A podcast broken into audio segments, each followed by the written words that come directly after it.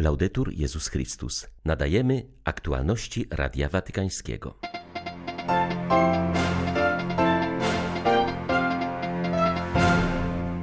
Chrześcijanin nie umniejsza powagi cierpienia, ale wznosi z ufnością oczy ku Panu. Modli się za tego, kto cierpi oraz służy mu w potrzebie, powiedział papież podczas mszy sprawowanej za zmarłych w ostatnim roku kardynałów i biskupów.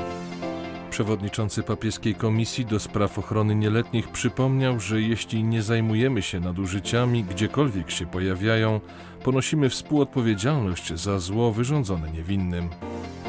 Najnowszy raport ONZ mówi o eskalacji przemocy i skrajnej brutalności, która opanowała Etiopię. Społeczność międzynarodowa nie może przymykać oczu na tragedię tysięcy ludzi. 4 listopada witają Państwa Łukasz Sośniak i ksiądz Krzysztof Ołdakowski. Zapraszamy na serwis informacyjny. Zaufanie do Boga w oczekiwaniu na zbawienie rodzi się z doświadczenia i dojrzewa w cierpliwości. Te słowa wypowiedział papież w homilii podczas mszy za zmarłych w ostatnim roku kardynałów i biskupów.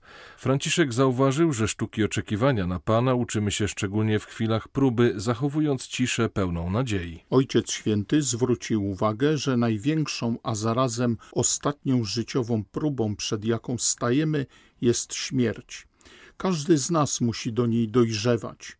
W obliczu trudności i problemów trudno jest zachować cierpliwość i pogodę ducha. W takich momentach jednak Pan interweniuje, właśnie wtedy, kiedy wydaje się nam, że jesteśmy już na dnie. W otchłani, w udręce bez sensu, Bóg zbliża się, aby zbawiać, i kiedy gorycz osiąga swój szczyt, nagle znowu rozkwita nadzieja. Przykre jest dojście do starości ze zgorzkniałym sercem, z sercem zawiedzionym, z sercem krytykującym rzeczy nowe, to bardzo bolesne. Biorę to sobie do serca, mówi modlący się człowiek z Księgi Lamentacji i dlatego też ufam.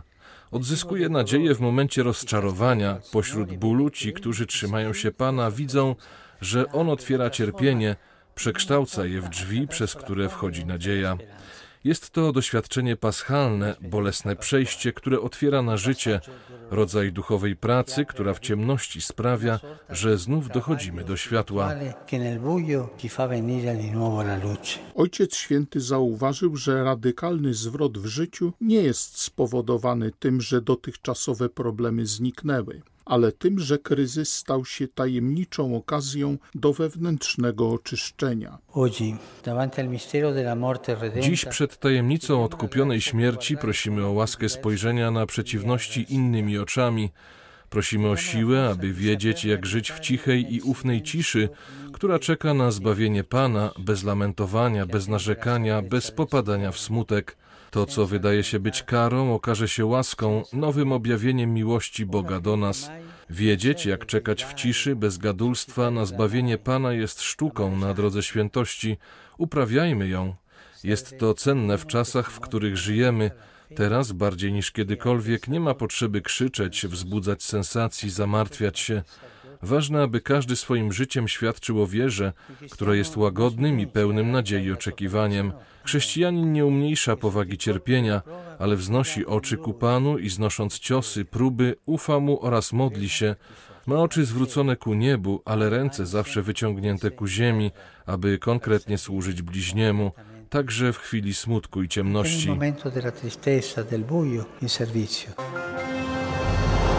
Papież Franciszek skierował przesłanie do uczestników konferencji na temat ochrony dzieci przed nadużyciami w instytucjach kościelnych, w placówkach edukacyjnych i sportowych zorganizowanej przez wspólnotę świętego Jana XXIII w Rzymie. Jest to spotkanie wieńczące projekt SAFE, czyli dwuletni kurs budowania kultury zapobiegającej wykorzystywaniu nieletnich i bezbronnych dorosłych. Uczestniczyły w nim osoby mające kontakt z dziećmi, księża, nauczyciele i trenerzy, ale także lokalni liderzy, pracownicy i wolontariusze organizacji religijnych.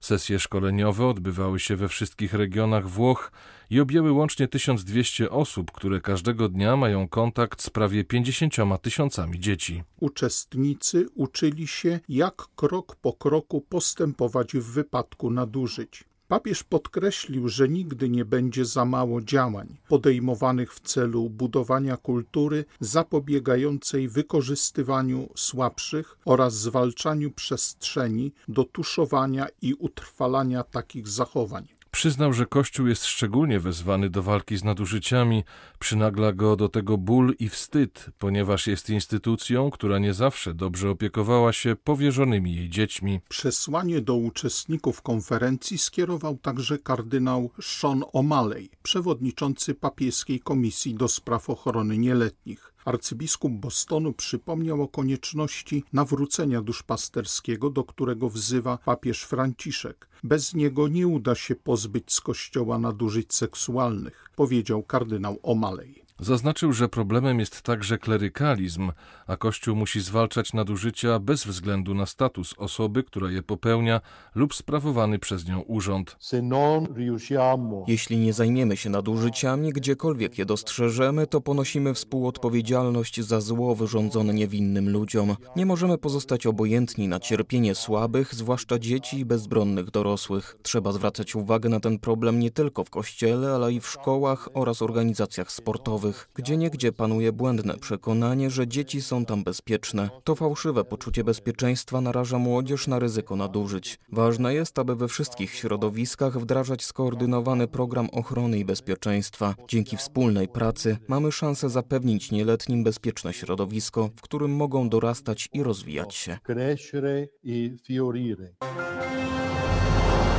Papież Franciszek powierzył kolejnej kobiecie wysoki urząd w Watykanie. Siostra Raffaella Petrini została mianowana sekretarzem generalnym gubernatoratu państwa i miasta Watykanu. Do jej zadań będzie należało nadzorowanie administracji gubernatoratu, koordynacja prac poszczególnych dyrekcji jednostek organizacyjnych oraz zapewnienie zgodności tych działań z postanowieniami normatywnymi. Siostra Petrini należy do zgromadzenia sióstr franciszkanek od Eucharystii. Urodziła się w 1969 roku.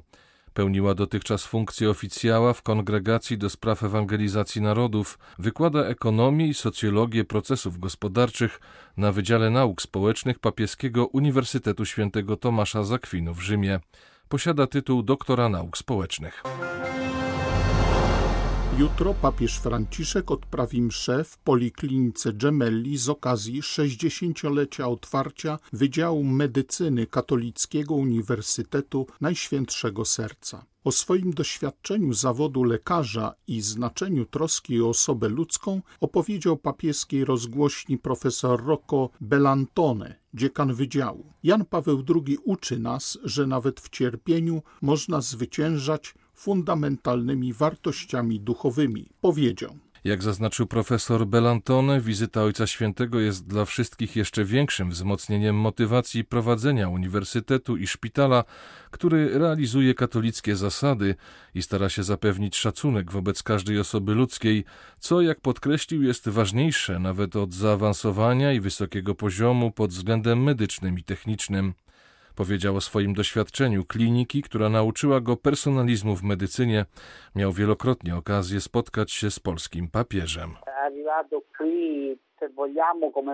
Przybyłem tutaj przyciągnięty ogromną sławą, jaką cieszył się uniwersytet i poliklinika. Stopniowo byłem coraz bardziej włączany w tak zwaną atmosferę zasad w stosunku do osoby ludzkiej. Naznaczyło to całą moją karierę od czasów studenckich aż do bycia dziekanem. Miałem szczęście asystować podczas niektórych zabiegów świętego Jana Pawła II i mogłem spędzić długie chwile przy tej niezwykłej postaci. Jego stosunek do cierpienia był jak niezwykła podróż, która urzekła nas wszystkich. Dla całej kliniki był to kamień milowy, który doprowadził nas do coraz większego zrozumienia, że nawet w cierpieniu mogą zatriumfować podstawowe wartości duchowe.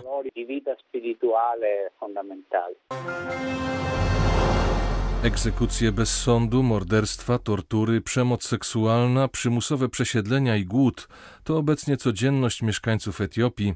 Najnowszy raport ONZ mówi o eskalacji przemocy i skrajnej brutalności, która opanowała ten afrykański kraj.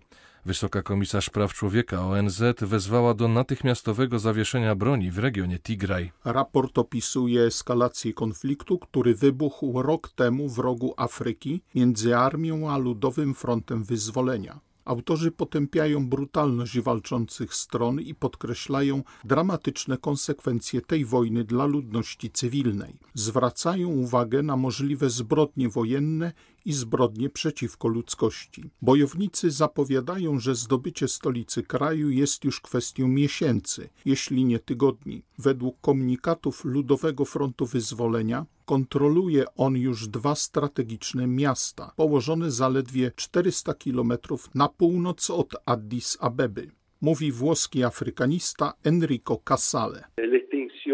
E, Między Etiopczykami i mieszkańcami Tigraj istnieje wzajemna nienawiść, bardzo silne napięcie, które dojrzewało przez ostatnie 20 lat i przerodziło się w straszliwą zemstę. Konflikt ten rozprzestrzeni się na cały kraj. Już teraz Tigrajczycy są bliscy zdobycia stolicy. Przemoc może wylać się także poza Etiopię, obejmując Somalię i Sudan, które już teraz znajdują się w tragicznej sytuacji. Ponieważ nie dociera pomoc humanitarna, mieszkańcom grozi także głód. Pamiętajmy, że to tereny dotknięte suszą i inwazjami szarańczy. Pandemia pogorszyła warunki życia, choć w samym konflikcie nie odegrała znaczącej roli. Afryka od dawna cierpi z powodu braki opieki medycznej. Gdzie nie dociera pomoc humanitarna, nie docierają też szczepionki i leki. Świat nie interesuje się tym konfliktem, ponieważ media nie mają jak dotrzeć w rejony walk. Społeczność międzynarodowa nie rozumie jego skali i dramatycznych konsekwencji wykraczających poza kontynent afrykański. Nie tylko ten kryzys, ale także problemy w Sudanie i Somalii są zapomniane przez świat, dla którego walka z pandemią jest absolutnym priorytetem. W listopadzie mija 50 lat od śmierci założyciela paulistów księdza Jakuba Alberione. Z okazji rocznicy podejmują oni refleksję nad wyzwaniami stojącymi obecnie przed zgromadzeniem. Zorganizowali internetowe sympozjum, podczas którego rozeznają, jak współcześnie wcielać w życie charyzmat swojego założyciela. Głównym celem pozostaje głoszenie Ewangelii za pomocą dostępnych środków komunikacji, podkreśla generał Paulistów. Internet jest wielkim wyzwaniem dla ewangelizacji, uważa ksiądz Waldir José de Castro. Podkreśla, że Kościół nie ma dziś jednej recepty na zagospodarowanie świata cyfrowego. Staramy się integrować internet z rzeczywistością. Usiłujemy przenieść chrześcijański styl życia do świata cyfrowego. Dzisiaj błogosławiony ksiądz Alberione nie miałby żadnego problemu z głoszeniem Ewangelii na portalach społecznościowych, mówi w rozmowie z Radiem Watykańskim przełożony generalny Paulistów. Jeśli weźmiemy pod uwagę społeczeństwo w erze postpandemicznej, zobaczymy, że potrzebuje ono nie tylko uzdrowienia w aspekcie fizycznym, ale i psychologicznym. Nasza misja komunikacyjna staje się coraz ważniejsza i bardziej potrzebna. Pytanie, które sobie stawiamy, brzmi: co robić, by pomóc społeczeństwu z ludzkiego i chrześcijańskiego punktu widzenia? Nie chcemy porzucać tradycyjnej komunikacji, ale zgodnie z ideą naszego założyciela powinniśmy w ewangelizacji wykorzystywać wszystkie środki, zwłaszcza te najnowocześniejsze. Dlatego jako zgromadzenie intensywnie poszukujemy sposobów funkcjonowania w świecie cyfrowym. Prowadzimy szkoły komunikacji, które mają młodym ludziom przybliżyć najnowocześniejsze metody obecności w internecie. Staramy się również odpowiadać na apele kolejnych papieży. Szczególnie kierujemy się słowami Benedykta XVI, który wzywał, by przenieść chrześcijański styl życia do internetu. Próbujemy więc przenosić także nasz zakonny charyzmat do sieci. To droga, którą obecnie podążamy, próbując łączyć siły. Były to aktualności Radia Watykańskiego. Laudetur Jezus Chrystus.